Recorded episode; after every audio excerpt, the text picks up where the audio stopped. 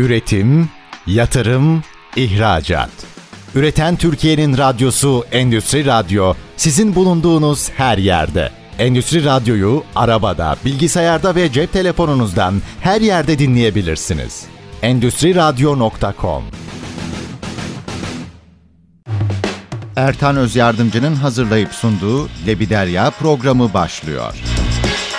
Ertan Özyamcı ile Lebiderya programına hoş geldiniz. Bugünkü konuğumuz Turkuaz UK İş Geliştirme Müdürü Engin Doğan. Engin programımıza hoş geldin. Hoş bulduk Ertan abi. Teşekkür ediyorum davetin için. Ben teşekkür ederim. Bizi kırmadın, katıldın. Dinleyicilerimize Engin Doğan'ı anlatabilir miyiz? Tabii ben 1983 Adana doğumluyum. Anadolu Lisesi'nde okuduktan sonra Yıldız Teknik Üniversitesi Gemi İnşaatı Mühendisliği bölümünü bitirdim. Daha sonra akabinde askere gittim ve İstanbul Tuzla'da Design Office tersane ve klas firmalarında çalışma tecrübelerini edindim. En sonunda çalıştığım Design Office'inin sahipleri Danimarkalı bir firma ile ortak bir şirket kurdular mühendislik üzerine. Bu sayede ben de Danimarka'ya gitmiş oldum. Bu benim Danimarka'ya gitmeme vesile oldu. Danimarka'nın önde gelen markalarından Maersk Holding'in Maersk Drilling firmasında Semi-Submersible Rig dediğimiz yarı batan sondaj gemilerinin bakım projelerinde çalışmaya başladım. Daha sonra Filo bakım projesinde devam ettim Maersk Drilling'deki kariyerime. Sonrasında Blue Water Shipping'in Future Growth projesinde çalıştım. Onlar lojistik ihalesini almışlardı Chevron Oil'den. Kore'de üretilen rafineri parçalarının Bulgaristan ve Finlandiya üzerinden Kazakistan'a götürülme projesiydi. Bu çok büyük bir projeydi. Yaklaşık 20 tane yeni gemi inşa edildi. 15 tane barç retrofit yapılarak e, projeye dahil edildi ve bu parçalar taşındı. Ben projeye o projede, o projede hatırlarsan senin sayende biz de bir katkıda bulunmuştuk projeye. Orada yurt dışında olmanın verdiği avantajla Türk firmalarında bir takım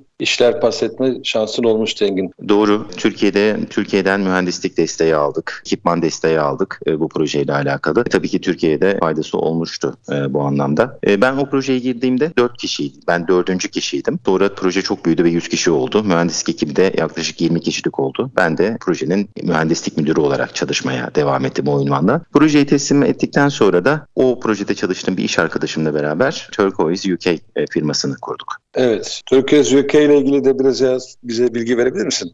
Şu anda neler yapıyorsunuz? Kuruluştan bu yana yaptığınız işler ve yapacaklarınızla ilgili bilgi alabilir miyim? Tabii biz Turquoise firması olarak şöyle söyleyebilirim. Offshore Oil and Gas ve Renewable alanında mühendislik ve operasyon yönetimi hizmetleri veriyoruz. İngiltere merkezli bir firmayız. Yakın zamanda Türkiye'de hizmetler vermeye başladık. Sondaj gemilerimizden bir tanesine bir servis sağladık. Yine Akçakoca gaz sahasında bulunan platformlara mühendislik desteği veriyoruz hala ve yapılacak olan bir modifikasyonu da offshore installation operasyonunu biz yöneteceğiz. Evet. Şu anda ekip olarak sadece İngiltere merkezi mi çalışıyorsunuz yoksa Türkiye'de böyle bir branch office açma tarzı bir şeyiniz var mı? Aslında var. Şöyle e, zaten bunun ilk adımını geçtiğimiz aylarda attık. Bir arkadaşımızla istihdam ettik Türkiye'de. Ama orta vadede Türkiye'de daha fazla gelişmeyi ve Türkiye'ye daha fazla yatırım yapmayı düşünüyoruz. Aklımızda alacağımız, yapacağımız iş geliştirmelerle, alacağımız projelerle organik bir büyüme hedefi var. Türkiye'ye önem vermemizin en büyük sebebi pazarın buna çok müsait olması. Mesela şu anda anda biraz komik gelecek bu söylediğim ama offshore oil and gas'te mühendislik ve operasyon servisi verebilen 3 tane firma var. Bunların iki tanesi Türk Petrollerinin ana yüklenicileri, uluslararası borsada işlem gören dev firmalar. Bir tanesi de biz olmaya hazırlanıyoruz. Bunu şu anlamda söylüyorum. Türkiye bu anlamda yatırıma ve gelişime çok açık. Tabii ki bu sabah akşamdan sabaha olan bir şey değil. Bir know-how transferi gerekiyor ve biz Turquoise olarak bu know-how transferini yapmakta çok hevesliyiz. Açıkçası bunun kendi ülkemize bir borcumuz olduğunu düşünüyoruz. O zaman şöyle diyebilir miyiz? Sen aslında biraz da şans eseri diyelim bizim İhsan Beylerin firmasındayken yanlış hatırlamıyorsam Danimarka'ya gidiyorsun. Yaklaşık evet. 10 sene oldu mu senin gidişin? Evet yani şöyle aslında şöyle oldu dediğiniz gibi. İhsan Beylerin kurmuş olduğu firmanın ortağının bir teklifiyle ben Danimarka'ya gittim. Yaklaşık 10 sene oldu doğru. Bu gerçekten benim için bir loto gibiydi. Ben hep aslında offshore oil and gas alanında çalışmak istiyordum. Sonra sonra bununla beraber bir tecrübe edinmiş oldum o alanda. Sonrası geldi ve bu edinmiş olduğum proje yönetimi, organizasyon, mühendislik yapma şekli, yöntemleri, standartları bunların hepsini tabii ki kendi ülkeme de arkadaşlarıma, genç arkadaşlarımıza iletme hevesimiz var. Aslında hani şu anda hepimizin derdi olan beyin göçüyle ilgili olarak sen 10 sene önce yurt dışına gittin ama yeni bir takım bilezikler kolunu takıp Türkiye tekrar aslında dönüş yapmasanı Türk sektörüne, Türkiye'deki offshore sektörüne katkılar sun sunmak üzere bir şekilde geri geliyorsun. Fiziki olarak İngiltere'de kalsan dahi aslında sizler gibi yurt dışına giden kıymetli beyinler diyelim bir şekilde kendi ülkesine tekrar katkı sağlayacak şekilde adım atarsa yine aslında ülkemiz çok ciddi şekilde geri kazanım sağlıyor. Doğru mudur? Kesinlikle katılıyorum Ertan abi. Yani aslına bakarsanız tabii gurbette yaşamanın bazı dezavantajları var. Nasıl söyleyeyim bir sosyal sermayeniz yok burada sizin. Her şeyi sıfırdan başlıyorsunuz ve Doğru. hep kendi ülkenize bir özlem duyuyorsunuz. Aslında sizin sosyal sermayenizi biriktirdiğiniz yer sizin doğup büyüdüğünüz ve eğitiminizi aldığınız, ilk eğitimlerinizi aldığınız ülkeler. Buraya geldiğiniz zaman aynı sosyal sermayeyi tekrardan oluşturmak zor. O yüzden Türkiye'ye çok büyük bir özlem duyuyorsunuz ve şunu sorguluyorsunuz. Neden ben kendi ülkemde çalışmıyorum? Hani bunu artık özellikle teknolojinin de gelişmesiyle yaptığımız bu servisleri dünyanın her yerinden çalışarak yapabiliriz. Neden ülkemde çalışmıyorum gibi de düşünüyoruz bazen ama tabii marketin içerisinde olmanız gerekiyor ve ne yazık ki Türkiye'de böyle bir market henüz oluşmadı ama şu anda oluşuyor. Yaklaşık bir 5-6 senedir büyük bir yatırım var buna. Ee, özellikle devletin yaptığı yatırımlar. Bununla beraber böyle bir oluşum oluyor. O zaman siz de bu sektörde çalışan biri olarak o istemiş olduğunuz arzuyu ve hevesi gerçekleştirmek için, hayallerinize kavuşmak için bir fırsat görmüş oluyorsunuz. O zaman şunu diyebilir miyiz? Son dönemde yeni inşa yapılmış olan yerli sismik gemisi. Bununla beraber filoya katılmış olan dört tane açık deniz sondaj gemileriyle beraber enerjimizi kendimiz arayıp bulma yolunda ciddi bir adım attık. Bununla beraber bu adımlar aslında offshore açık deniz yapıları mühendisliği konusunda senin gibi yurt dışında tecrübelenmiş mühendislere Türkiye'ye geri dönüşle ilgili veya Türkiye'de katkı sunabilme açısından bir yol açtı doğru mu? Kesinlikle doğru. E, tabii bu gemilerin varlığı yapılan projeler olmadan bu sektörde çalışan insanlara tekrardan ülkeye dönüşünü sağlamak imkansız. Aynı zamanda bu alanda hizmet veren büyük firmaların da gelip ülkeye yatırım yapması, ofis açması, insan yetiştirmelerini beklememiz de çok zor. Önce bu projeleri olacak. Burada tabii tabii ki birçok işin içine faktör giriyor. İşte lisanslamalar, işte sahanın bulunması vesaire gibi şeyler. Bunların hepsinin yerli yerine oturduktan sonra ancak bu firmalar geliş yapıyor. Şu anda Türkiye'de yani şu anda demeyeyim bir süredir, uzunca sayılacak bir süredir. Bununla alakalı hem bürokratik adımlar atılıyor hem de yatırımlar yapılıyor. Bu sayede şu anda dediğim gibi büyük birkaç tane dev firma hali hazırda Karadeniz'de projeler yönetiyorlar. Ana yüklenici olarak o projelerin başında bulunuyorlar. Burada açtıkları gerçekten büyük ofisler var. Yüzü aşkın çalışanları var var ofislerinde. Tabii çok sevindirici bir şey. Bu işte know-how transferi dediğimiz bir şey aynı zamanda. Orada çalışan kişiler sadece ofislerde çalışan değil. O sektörün yan sektörlerinde de çalışan hemen hemen herkes bu bilgi dağarcığına sahip olmuş oluyor. Bu tecrübeyi edinmiş oluyor. Bunlar çok kıymetli adımlar olduğunu düşünüyorum. Bu tecrübeler bir süre içinde yerli yerine oturduktan sonra bizler de bu sefer yurt dışındaki başka projelere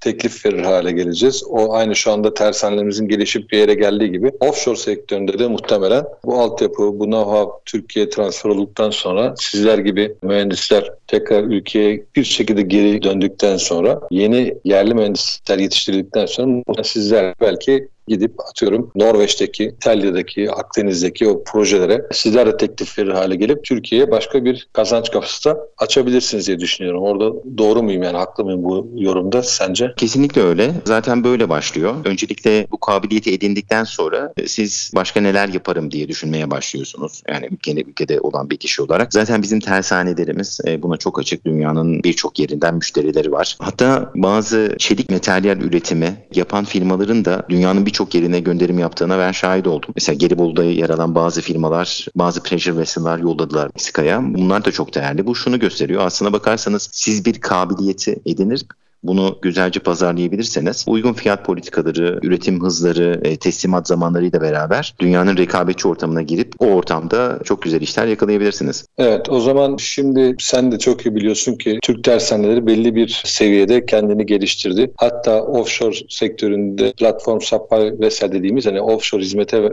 gemileri de inşa ettiler. Bazı platformlarda Türkiye'de tamirleri yapıldı. Bu yakın süreçte o zaman tersanelerle sizler gibi kendini geliştirmiş mühendislerin offshore üzerinde bir entegrasyonuyla çok hızlı şekilde Türk tersaneleri böyle bir devinime ulaşır ve yurt dışından koordine olarak aslında bu projelerde teklifler verilebilir diye düşünüyorum. Herhalde böyle bir e, şey önümüzdeki belki 5 sene içinde karşımıza olacaktır. Ne dersin Engin bu konuda? Katılıyorum. Giderek dediğim gibi bir bilgi dağarcığımız oluşuyor. Know-how e, geliştiriyoruz. Bir tecrübe ediniyoruz. Bu kıymetli tecrübelerin bize kazandırdığı kabiliyeti elbette dünyaya pazarlamaya başlayacağız yakın bir zamanda. Şu anda bir emekleme aşamasındayız. O anlamda öyle söyleyebilirim. Tabii ki burada emekleme aşamasında derken yürümeye koşmaya başlayan irili ufaklı da var. Onları da görüyorum ama genel anlamda emekleme aşamasındayız. Yakında kalkıp yürümeye sonra da koşmaya başlayacağız. İnşallah. Şimdi bölümümüzün sonuna yaklaştık. Bir reklam arası vereceğiz Engin. Reklam arasından sonra tekrar beraberiz. Üretim, yatırım, ihracat. Üreten Türkiye'nin radyosu Endüstri Radyo sizin bulunduğunuz her yerde. Endüstri Radyo'yu arabada, bilgisayarda ve cep telefonunuzdan her yerde dinleyebilirsiniz. Endüstri Radyo.com Ertan Özlemciler Lebiderya programının ikinci bölümüne hoş geldiniz. Konuğumuz Tuğkaz Ülke İş Geliştirme Müdürü e, Engin Doğan. Engin ilk bölümde Türk tersaneleriyle senin gibi yurt dışında offshore projelerine katılım sağlamış, tecrübe edinmiş mühendislerin entegrasyonuyla neler yapılabileceğinden bahsediyorduk. Ben hep tabii tersane merkezli bir işim olduğu için hep oraya doğru çekiyorum konuyu ama belki sadece tersane ayağı değil farklı yapılar da offshore'da konuşulması gerekir. Senin bakış açından sadece tersane değilse de başka hangi adımların ülkemizde atılmış olması gerekir ki offshore sektöründe artık biz de varız diyebilelim. Tabii ki tersaneler e, sektörün lokomotifi konumunda yapmış oldukları üretimle, sağlamış oldukları istihdamla onların bu sektöre verdikleri hizmet ve sağladığı imkanlar yatsınamaz. Ama sadece e, tersan üzerinden gidersek de bu sefer onlara biraz haksızlık yapmış oluyoruz. Zaten yeterince sorumlulukları var ve kendilerini geliştirmeye de çok hevesliler. Gördüğüm kadarıyla da e, gayet iyi işler çıkarıyorlar son zamanlarda. Sektörün ilerlemesi için özellikle offshore oil and gas alanında armatörlerin de devreye girmesi gerektiğini düşünüyorum ben. Mesela Mesela ülkemizde offshore operasyonları var. Yaklaşık 6-7 senedir bu devam ediyor ama hala bir offshore filosuna sahip armatör yok. Yani parmakla sayılı firmalar, şirketler var ve bunların filoları da ne kadar yeterli tartışılır açıkçası. Ellerinde iyi ekipmanlar, iyi filolar var ama bir projeye bağlıyorlar ve siz başka bir proje yapmak isterseniz gemiyi, bu crane barcı ya da diğer ekipmanları alma şansınız olmuyor. O yüzden bunların artması gerekiyor. Genellikle bu tip projeler Türkiye'de yapıldığı zaman yurt dışından da ekipman falan getiriliyor doğru mu? Doğru. Mesela yakın bir zamanda bizim yapmak istediğimiz bir operasyonda biz ta Hollanda'ya kadar gitmek durumunda kaldık. Yapacağımız operasyona uygun gemi bulabilmek için bir crane barge arıyorduk. Çünkü Türkiye'deki armatörlerin e, crane barge'ları zaten hali hazırda başka projelere bağlıydı.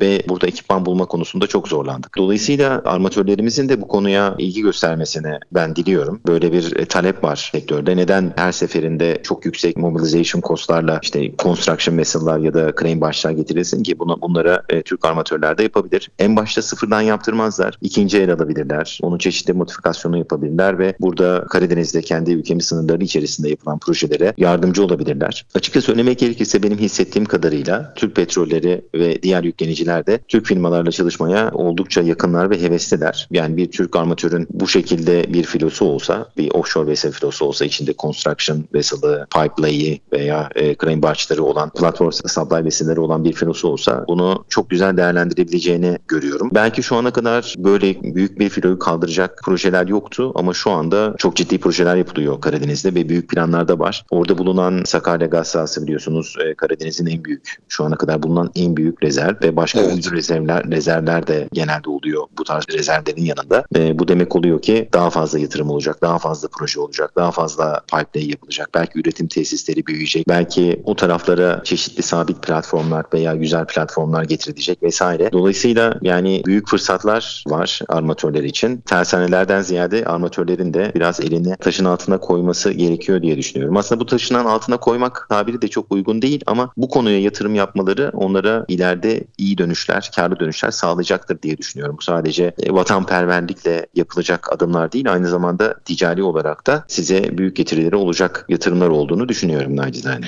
Evet mesela şu anda Filos Limanı ile ilgili büyük yatırımlar var. Hani sen de gidip gördün diye biliyorum o bölgeyi. Şimdi oradaki altyapının, oradaki ihtiyaçların sonu kolay kolay gelmeyecektir. Bir de Rusya ile konuşulan ortak gaz dağıtım hub'ı oluşturulması gibi konular var Karadeniz'de. Bunların hepsi için söylediğin o konstrüksiyon operasyonlarını yürütecek çok özellikle barçlar, crane'ler, yüzer crane'ler, özel gemiler sürekli ihtiyaç duyulacaktır. Bunu yurt dışından kiralamak tabii ki her zaman mümkün bedeli karşılığı ama bir filo oluşması koşulunda bunların hepsinin yerli organizasyonlara halledilmesi hem bütçesel olarak hem de ülkede paranın kalması açısından gayet önemli olacaktır diye ben de bir ufak ekleme yapayım. Bu işin uzmanı sensin ama arada ufak bir yorum yapmak istedim. Önümüzdeki dönemde bu yapılar oluşursa tabii bunun bir de senin çok iyi bildiğin bakım tutum tamirleriyle ilgili bir oluşumlar gerekiyor. Yani yine bu tersane gibi gözükse de tersanenin dışında özel tam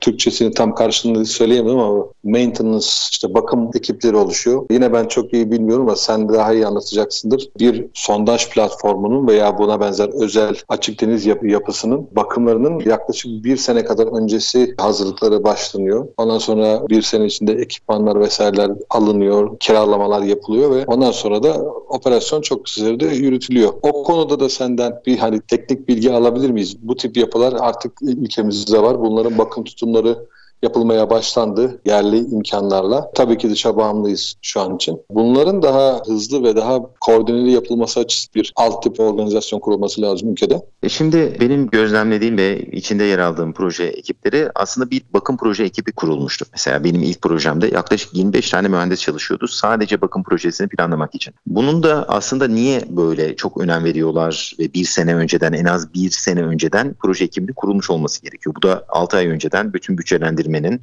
yani küçük proje ofisinin, küçük proje ekibinin bir buçuk sene önceden, asıl proje ekibinin de bir sene önceden kurulması gerekiyor. Sebebi şu, bir gemiye ait çok fazla yedek parça var ve bu yedek parçaların teslimat süreleri birbirinden çok ayrı. Bazı teslimat evet. süreleri çok uzun. Yaklaşık 6 ay sonraya size gün veriyor onun üretimini yapan firma ve başka yerden bulduğunuz parça alırsanız bu sefer sondaj ekipmanlarınızın çalışması garanti dışına çıkıyor. Yani dolayısıyla işi sağlıklı bir şekilde yürütebilmek için çok önceden plan yapmak ve bir proje ekibi kurmak gerekiyor. Bu var olan operasyon ekibinden ayrı olarak. Çünkü operasyon zaten bu gemilerin operasyonu oldukça yoğun geçiyor. Ee, çok fazla isterleri var. Bunların işleyişini sağlamak kolay değil. Bu arada Türk petrollerindeki çalışan arkadaşları da buradan tekrardan tebrik etmek istiyorum. Ne zaman TP, OTC'yi zaten ziyaret etsem büyük bir umutla ayrılıyorum. Kısa zamanda kendilerini çok iyi geliştirdiler ve gemiler çok iyi işletiliyor. Bunu dışarıdan bir göz olarak söyleyebilirim. Ama operasyon ekibi başlı başına zaten çok yoğun çalışan bir ekip. Bunları bir de bakım projeleri, bakım sorumluluklarını vermek çok sağlıklı bir proje yönetimi değil. Bu yüzden ayrı bir ekip kuruluyor ve bu ekip bütün projeyi planlıyor, yönetiyor, bütçesini oluşturuyor. Adeta başka bir taşeron gibi gemiyi böyle anahtar teslim alıyor operasyon ekibinden. işlemleri tamamlayıp geri veriyor. Yani bütçesi ayrı, şeyi ayrı olarak benim çalıştığım projelerde bu şekilde oldu. Bu kompleks O zaman bir... şöyle diyebilir miyiz? Mesela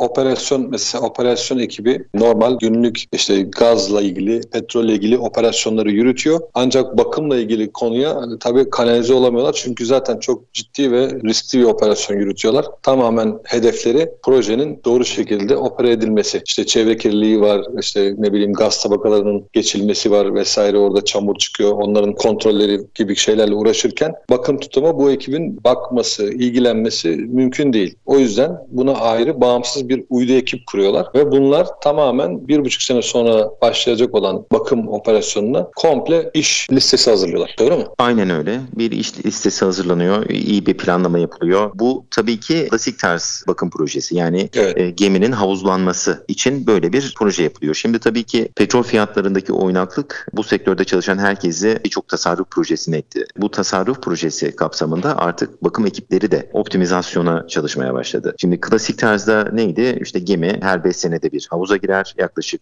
80-90 gün havuzlanır. Bu sırada bütün proje ekibi her şeyi tamamlar. Ama bu şu demek oluyor. Geminiz 80-90 gün operasyon dışında kaldı. Zaten bu gemilerin günlük maliyetleri oldukça yüksek. Özellikle mesela böyle bir geminiz var ve kiraya verdiyseniz bu büyük bir günlük kira kaybı anlamına geliyor. 80-90 gün her 5 senede. o rakamları biraz dinleyicilerimize verebilir misin? Yani dinleyicilerimiz hani büyük rakamlar vesaire geç biz az çok sektörün içindeyiz ama dışarıdan olan insanların da tam anlaması için bir gündeki kiralama maliyeti işte o tarz bilgileri de rakamsal olarak da biraz verirsen çok iyi olur. Dinleyicilerimizin de bilgisi olsun. Elbette. Yani şu anda mesela Türk petrollerinin elindeki filoya yakın benzer bir geminin şu market koşullarında günlük kira bedelleri galiba 400 bin dolar civarında günlük kira bedelleri var. Dolayısıyla yani biz o Yavuz'u kanuni vesaireyi yurt dışından kiralıyor olsaydık günlük 400 bin dolar civarında her birine yatsa da kalksa da çalışsa da bir para ödeyecektik. Doğru mu? Evet. Evet. Tabii bu evet. dediğim gibi market koşullarına göre değişiyor. Değişiyor. 300 olur, 500 olur. Evet. Ama ortalama 400 bin dolar. Evet günlük. Evet. Yani bunun 1 milyon dolara çıktığı zamanlar da vardı. O zamanlarda öyle kiralar da vardı günlük day rate'ler. Dolayısıyla hani şunu söylemek istiyorum. Günlüğü 1 milyon dolar olan bir işletme yani 1 milyon dolar geliriniz olan bir işletmenin bir gün dahi yatmasını istemezseniz ne kadar cironuz olursa olsun senede o sizin için büyük bir kayıp. Hatta zaten bu tarz gemilerde operasyon durduğu anda downtime başlar. Yani dakika başına para kaybedebilir geminin sahibi. O yüzden bakım tutumda bu yüzden çok önemli. Yani her şeyin her zaman çalışıyor olması gerekiyor. Eğer bunlardan herhangi bir sizin yüzünüzden bakım eksikliği veya başka riskleri göz önüne alıp yapmadığınız işler varsa bu size yine zarar olarak yansıyor. Dolayısıyla gemilerin bakım ve tutum projelerine çok önem veriyorlar. Özellikle az önce onu belirtmeye çalışıyordum. Bu petrol fiyatlarındaki oynaklık artık bu firmaları çok tasarruflu olmaya yani cost efficient olmaya Türkçesini getiremedim özür dilerim. Cost efficient olmaya zorladı zorladı ve şu anda artık bakım ekipleri sadece proje amaçlı kurulmuyor. Genel bir proje ekibi var. Bakım proje ekibi ve bu bütün filoya bakıyor. Yapabildiği bütün bakımları bu sondaj gemilerinin kuyu araştırma arası bakım periyodu denilen periyotları oluyor aslında. 3 ay önce sondaj yapıyor. Sonra e, birkaç hafta ya da durumuna göre belki 3 hafta 4 hafta kadar in between wells maintenance dedikleri bir periyot oluyor. O periyoda sıkıştırmaya çalışıyorlar her şeyi. Böylelikle gemi downtime yani e, kayıp zamanını minimize etmiş oluyor bu sayede. Böylelikle tabii hiç havuzlama yapmıyor yapmıyor değil. Bu sefer her 5 senenin sonunda 90 gün değil, her 5 senenin sonunda 30 gün, 25 gün gibi sürelerde yani büyük bir kar elde etmiş oluyor gün bazında. Bu sadece aslında şey olarak da bakmamamız lazım. Mesela Türk Petroller'in kendi gemisi.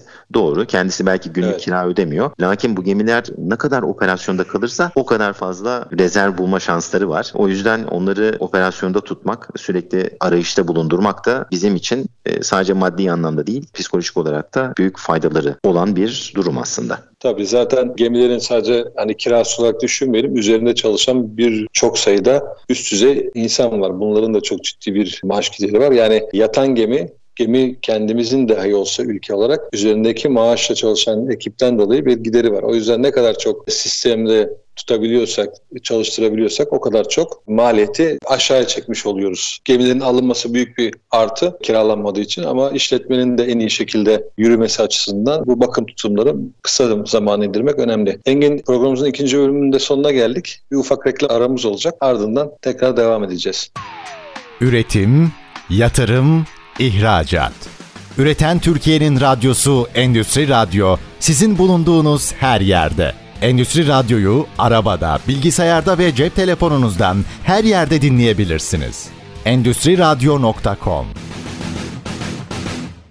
Ertan Özdemci ile Lebi Derya programının 3. bölümündesiniz. Konuğumuz Turkuaz UK İş Geliştirme Müdürü Engin Doğan. Engin senle en son ikinci bölümde sondaj gemilerinin maliyetlerini işte bunların nasıl daha iyi yürütülebileceği konusunda bir takım yorumlar yapmıştık. Ben şimdi konuyu biraz daha farklı bir yere almak istiyorum. Önümüzde artık yatsınamaz bir noktaya gelmiş olan yeşil enerji var. Biz şu ana kadar hep seninle petrol türevlerini, gazları konuştuk aslında. Ancak önümüzde yeşil mutabakat ve yeşil enerji ile ilgili yapılması gereken ülke olarak ve dünyadaki tüm ülkeler olarak bir takım yatırımlar ve atılması gereken adımlar var. Sen İngiltere'de bu tip konulara bize göre belki biraz daha derin temas etme şansın oluyordur. Oralarda nasıl gidiyor yeşil enerji, yeşil mutabakat? Onlarla ilgili bize biraz bilgi verebilir misin? Tabii ki. Şimdi biliyorsunuz enerji fiyatlarındaki bu e, oynaklık armatörlerin hepsini etkiledi. Evet. LNG'ye gemisini kendi var olan e, filosunu LNG'ye döndürmek isteyen armatörler vardı ama şu anda LNG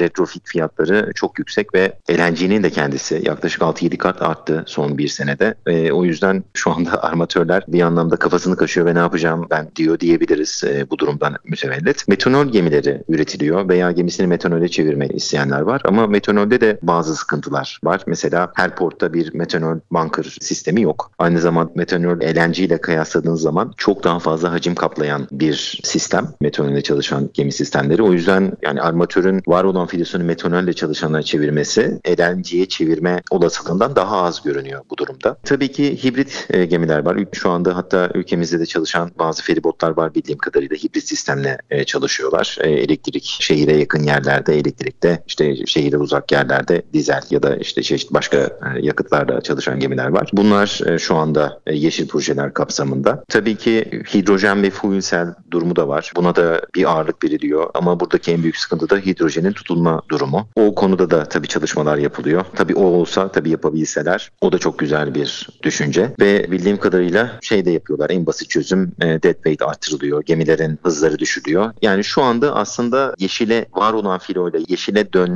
biraz yavaş ilerliyor bu fiyatlardaki oynaklık sebebiyle. Yeni projelerde daha çok hibritle gördüğüm kadarıyla devam ediyor veya eğlenceyle devam ediyor. Tabii ki argeler... Genellikle e, orada pardon genellikle orada tedarik sorunu yaşanıyor anladığım kadarıyla değil mi? Yani sen komple bir örnek veriyorum hidrojenle yürüyecek e, gemi yapayım desen hidrojeni gittiğin limanda bulma şansın olmadığı için aslında sistem kendi kendine çöküyor. Yani Aynen. aynı bizim elektrikli araba alalım ama en yakın şarj istasyonu bundan bilmem kaç kilometre ötede. O yüzden alamıyoruz gibi düşündüğümüz gibi tabii yatırım yapan büyük armatörde e, ben yakıtı nereden bulacağım, ne koşullarda ben bunu idame ettirebilirim dediği zaman o sorunun cevabı bir türlü oluşmuyor. Yani üç yakıt tipinde de aslında. Evet kesinlikle. Şu anda öyle bir durum var. O yüzden nasıl olacak? Bu armatörler de bu durumda bir çıkmaza giriyor. İşte daha basit çözümlerle hız düşürme, dead weight arttırma gibi çözümlerle evet. şimdilik ya da kimisi biliyorsunuz balp takıyor veya tekrardan ufak retrofitlerle gemiyi daha verimli hale getiriyorlar yakıt evet. yönünden. Bunlarla şu anda ilerleniyor. Tabii dediğiniz gibi başka sıkıntılar da var. Yani LNG retrofiti yaptırmak istesiniz bunu yaptıracak tersane de bulma, teslim alma, sıraya girme e, durumları da, sıkıntıları da yine görülüyor evet bunlar durumlarda. O yüzden bu durumda yani armatör artık e, bir şeye karar veriyor ve o sırada devam ediyor. Gidebildiği yere kadar gidecek bu şekilde. Ama e, genel anlamda yeşil enerji özellikle Kuzey Denizi'nde ve İngiltere'de offshore wind üzerine yani açık denizdeki e, rüzgar türbinleri üzerine burada çok fazla proje yapılıyor. Yani öyle ki e, bütün Avrupa'da bu wind turbine installation vessel dediğimiz gemilerin müsaitlik durumu şu an bir nasıl söyleyeyim bir kaos. Yani şu anda siz evet. ben bir operasyon yapacağım deseniz herhalde gemi bulmak sizin için 2020 2024'ün ikinci yarısından önce gemi bulabilir misiniz emin değilim. Çok Bu büyük da başka projeler. Bir değişik sektör o zaman. Şu anda hani wind farm installation vessel denen o tam Türkçesini söyleyemedik kusura bakmasın dinleyicilerimiz ama bu tip gemi de bu tip bir tekne de sahibiyseniz yine sizin için çok değişik bir iş imkanı var. Az önce konuştuğumuz offshore yapılarına hizmet eden barçlar ve crane'ler gibi onlarda da çok ciddi bir sıra var o zaman hizmet sırası.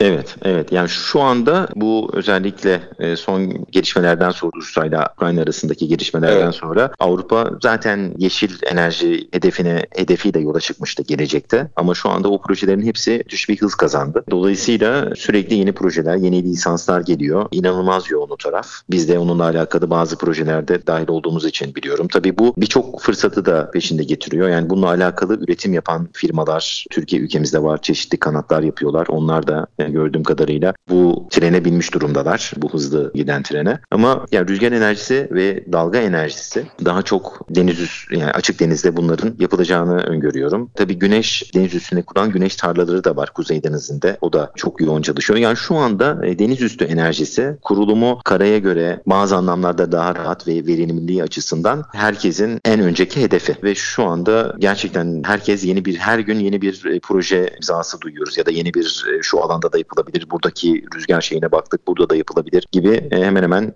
e, her hafta yeni haberler var, yeni projeler var, yeni ihaleler var. O yüzden o taraf çok hızlı hareket ediyor. Ama işte en büyük sıkıntılardan bir tanesi wind installation şey yok. E, gemisi yok. Yani şimdi yapacağım deseniz e, bir, bir buçuk sene bekleyeceksiniz. Tabii böyle projelerin olgunlaşması da bu kadar zaman alıyor ama siz bir buçuk sene sonra baktığınızda şimdiden book etmezseniz vesile şey yok. Elinizde gemi yok. E, bu da armatörler için senin de az önce söylediğin gibi bir büyük bir fırsat. Çok enteresan günlerden geçiyoruz geçenlerdeki bir senden daha önce katılan bir konuğumuzla bu konuda sohbet ederken o da dedi ki yani şu anda Rusya'nın savaşından dolayı işte tekrardan kömüre dönüldü, fosil yakıtlar arttı gibi böyle yorumlar oluyor. Ama aslında şu anda alternatif yakıtların kullanılması açısından da çok uygun bir fiyat tarifesi oluştu dünyada diyor. Yani biz bunu bazen bir bakış açısıyla diyoruz ki bu savaştan dolayı işte tekrar nükleere dönüldü, tekrar kömür yakılmaya başlandı Avrupa'da özellikle diyoruz. Yeşil mutabakattan uzaklaşılıyor gibi yorumluyorduk diyelim. Ama diye o konuğum dedi ki ya öyle düşünüyorsun ama şu an kaos içinde insanlar her türlü enerjiye ışığa ışık verdi, yeşil ışık verdi ve fonlar yeni enerji sistemlerine yatırım yapanlara daha çok akıyor ve belki de çok daha hızlı bir şekilde yeşil enerji, yeşil mutabakata sağlayacağız dedi. Yani şu anda bir kaos var ama sonunda belki çok daha hızlı şekilde dünya yeni enerji sistemlerine e, adapte olacak. Bu yatırımlar çok daha hızlı e, yatırımlara dönüşecek ve bununla ilgili nakit akışı dünyada fonlar üzerinden sağlanacak gibi bir yorum da var. Bilmiyorum katılır mısın? E, katılıyorum. Şöyle aslında bu rüzgar enerjisi her zaman insanların özellikle deniz üstü şöyle bir algı vardı. Evet çok güzel ama çok pahalı. Yani devletin bazı desteklerinin olması gerekiyor gibi. Ama şimdi şu anda elektrik fiyatları öyle bir yere geldi ki artık bu offshore wind dediğimiz cevap verimsiz ya da kendi dönüşünü çok uzun vadede sağlayan sağlıyor dediğimiz bu tarlalar artık gayet verimli tarafa doğru gitmeye başladı. Çünkü elektrik fiyatları çok yükseldi. E, dolayısıyla artık onlar karlı yatırımlar olmaya başladı. Bu da büyük enerji firmalarının şu anda aslında akaryakıt firmaları diyeceğimiz firmaların bu alana çok fazla yatırım yapmasına sebebiyet verdi. Çoğu artık yapısını elektrik en azından elektrikli arabalara uygun hale getirdi. Diğer yatırımlara da